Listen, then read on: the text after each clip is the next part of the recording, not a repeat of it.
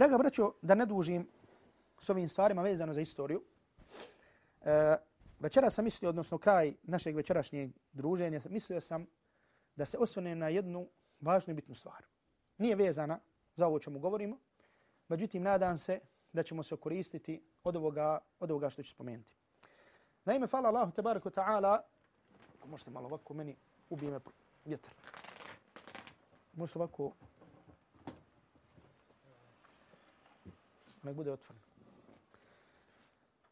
Jeste da, hvala Allahu tabarak ta'ala, vidimo sve veći i veći broj omladine koji dolaze u džamije, koji dolaze na predavanja, koji posjećuju predavanje bilo ovdje, bilo na drugim mjestima. Uglavnom, hvala Allahu tabaraka wa ta'ala na tome.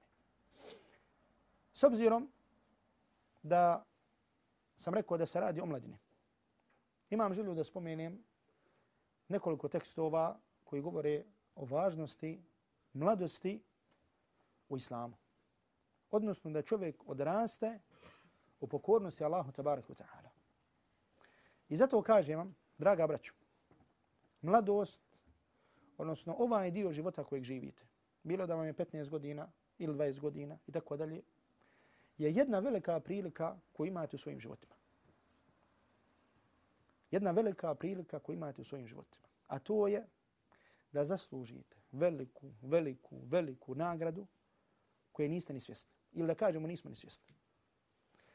Allahu poslanik alihi salatu wasalam nas obavijestio kao što je zabilježi ima muslim u svom sahihu, koliko se sjećamo debu Hureyre radijallahu ta'la anhu, da Allahu poslanik sallallahu alihi wasallam kazao da će uzvišeni Allah tabarak wa ta'ala na sudnjem dan, kada ne bude drugog hlada, osim Allahovog hlada, u svoj hlad staviti sedmercu. Sedam osoba ili sedam kategorija ljudi. O ti sedam kategorija ljudi koji će biti u hladu arša, u hladu na sudnjem danu, a sada nam dolazi ljeto, pa možemo to na jedan način šta? Znači da kažemo da približimo sebi koliko toliko. Biće šabun neša'a fi ta'atillah. Mladić, mladić koji je odrastao u pokornosti Allahu tabaraka ta'ala. I zato opet vraćam se i kažem, onaj koji živi sada, koji je sada u mladosti, ima priliku da zasluži ovu šta veliku nagradu. A to je da bude u hladu na sudnjem danu kada drugi ljudi neće biti, kada neće biti u hladu.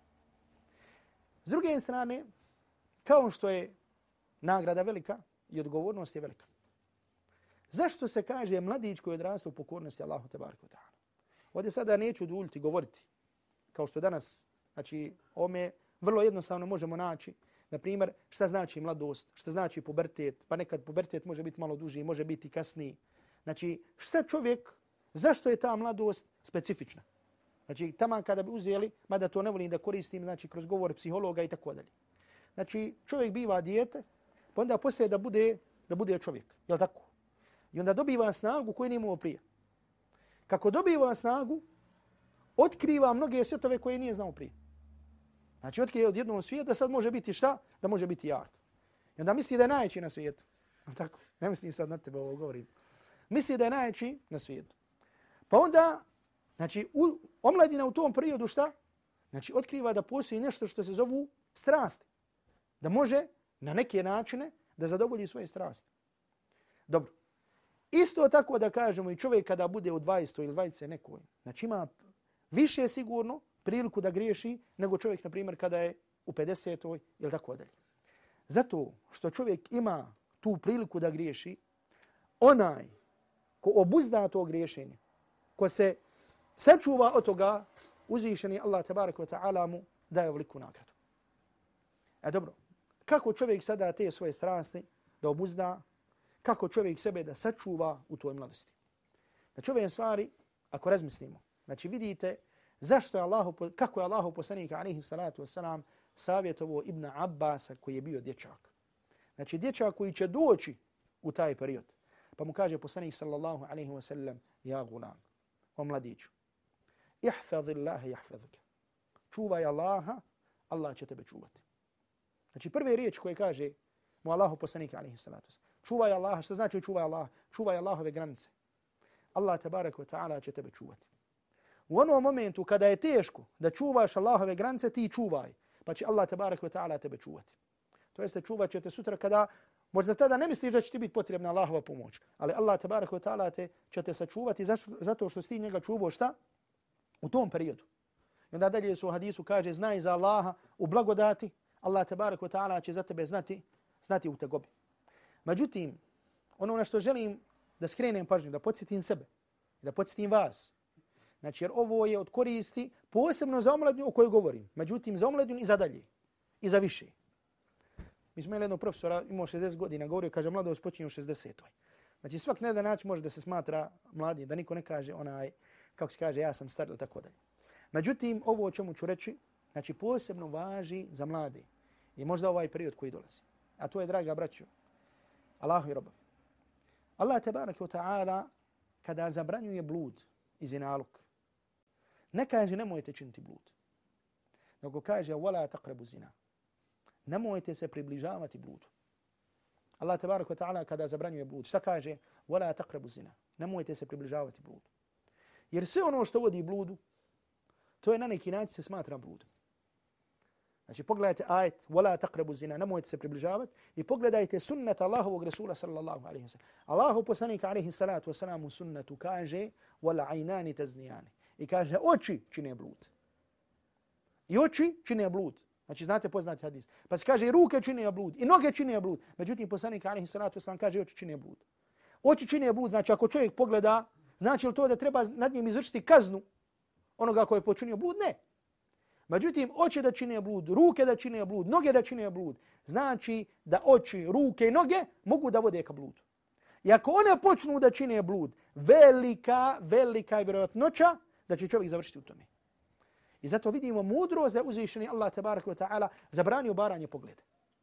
Znači primjer kada kažemo blud kao blud, odakle počinje? Počinje od pogleda. Znači odakle počinju ta djela? Počinju od pogleda. I zato, na primjer, dešava se danas, ne samo, na primjer, da na, nailazite, neka se ljudi zaibrate pa vide, znači ne samo danas nailazite pitanje, na primjer, jedno od tih pitanja, znači od tih, da kažemo, poremećaja, od koje je, na primjer, i pornografija da dođe da dođu i pitaju da kaže čovjek imam problema sa tim kako znači kakav je stav islama kako da se izliječimo toga i tako dalje. znači to ćete naći tako na ovim sajtovima znači da se postavljaju pita međutim ne samo na islamskim sajtovima. Znači vi ćete kako i drugi psiholozi i tako dalje govore o, o problemu odnosno o bolesti koja se zove pornografija. Dobro to odakle sve kreće? I ovdje da kažem svi drugi poremećaji koji su vezani za ovo da sad ne spominjem nazve sve počinje od pogleda. I zato Allah mi robovi Bojite se Allaha tebaraka wa ta'ala po pitanju pogleda. Bojite se Allaha po pitanju šta gledamo. Jer nekada čovjek, znači samo, samo da pogledamo ovo, samo da pogledamo ovo, samo da pogledamo ovo, pa odje da Allah tebaraka wa ta'ala sačuva da kažemo da je u helač. I nemoj da narušiš tu svoju mladost. Rasta u pokornosti Allahu tebaraka wa ta'ala radi jednog pogleda. Znači gledaj i znaj da u baranju pogleda velika slast znaj da je, znači, u onim momentima kada ti dođe da učiniš određen grijeh, da pogledaš, da vidiš, da poslušaš, znači da ostaviš to Allaha radi. Znaj kolika je to stvar. Kolika je, znači, kolika je za to nagrada kod Allaha. Znači, ti imaš, dođe nešto da učiniš, neku, ne, bilo koji grijeh. I ti kažeš, ja ovo ostavljam Allaha radi. Znači, nije samo činjenje. Nije samo činjenje.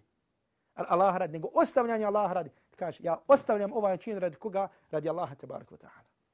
Zamisli kolika ti je nagrada.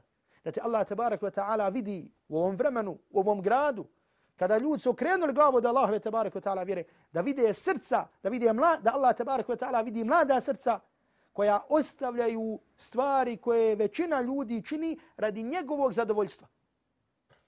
Nije zato što ga vidi babu, što ga vidi majka, što ga vidi, nego zato što ga vidi Allah. I zato hadis Žibrila, kojeg smo tumačili, da je došao Džibril, da poduči nas, da poduči ummet. Kaže, šta je ihsan? Čovjek ima islam, ima iman, ima ihsan. Šta je kaže ihsan? Kaže, en ta'bud Allahe ka enneke terah. Kaže, da obožavaš Allaha kao da ga vidiš. Znači, u svakom momentu, i kad si sam, i kad si na kompjuteru, i kad za telefonom, i kada se osamiš, i sa prijateljom, ne, sam, ne mislim ovdje samo kad se osamiš sa ženom, kada osamiš sa ženom, gotovo. Šeitan uzeo 99% stvari u svoje ruke. Znači, kad se ostavi, osamiš sa prijateljem, o čemu pričaš? O čemu razmišljaš? Znači, normalno dođe misl, međutim, otjeraš misli od sebe. Znači u svim tim momentima, momentima, da obožavaš Allaha tabaraka wa ta'ala kao da ga vidiš, jer ako ti njega ne vidiš, on tebe vidi. I znaj da te Allah vidi i da Allah tabaraka wa ta'ala zna ono što činiš ili što si naumio, što si naumio da činiš. I zato vam opet kažem, zamislite tu nagradu i Allahovo zadovoljstvo sa robom koga vidi uzvišeni Allah tabaraka wa ta'ala da ostavlja stvari u vrhuncu svoje snage, vrhuncu svoje mladosti radi uzvišenog, radi uzvišenog Allaha tabaraka wa ta'ala. I zato Allahovi robovi, ovo što sam vam spomenuo, od ovih tekstova spomenuo sam samo sa namjerom da sebe podsjetim. Ne da kažem da vas podučim nečem, ne, nego samo da se podsjetimo na ove stvari, na vrijednost i slast i zadovoljstvo koje čovjek osti kada ostavi nešto radi Allaha tabaraka wa ta'ala. A opet, ovdje ću samo par rečenica reći, znači, Ja ayuha allazina amanu sta'inu bis sabri was salah.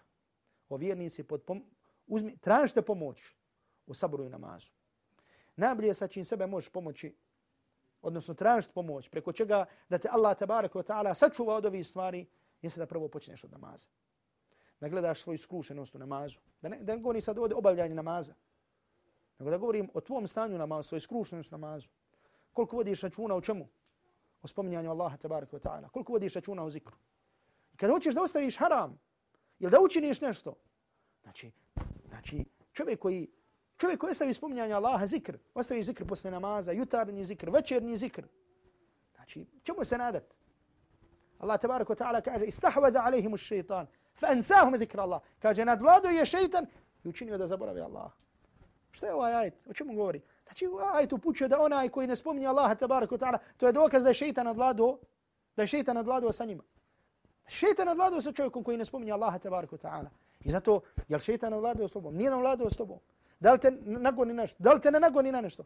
Znači, nek ti mirlo bude spominjanje Allaha tabaraka ta'ala. To jeste da vidiš koliko spominješ uzvišenog Allaha tabaraka ta'ala. I zato opet koristim priliku da kažem i podsjetim, podsjetim prvo sebe, podsjetim vas na važnost čuvanja ovih stvari o kojima govorimo, a to je znači da o skrušenosti namazu, o namazu džamatu, o spominjanju Allaha tabaraka wa ta'ala, o jutarnijem zikru, o večernijem zikru i tako dalje i tako dalje.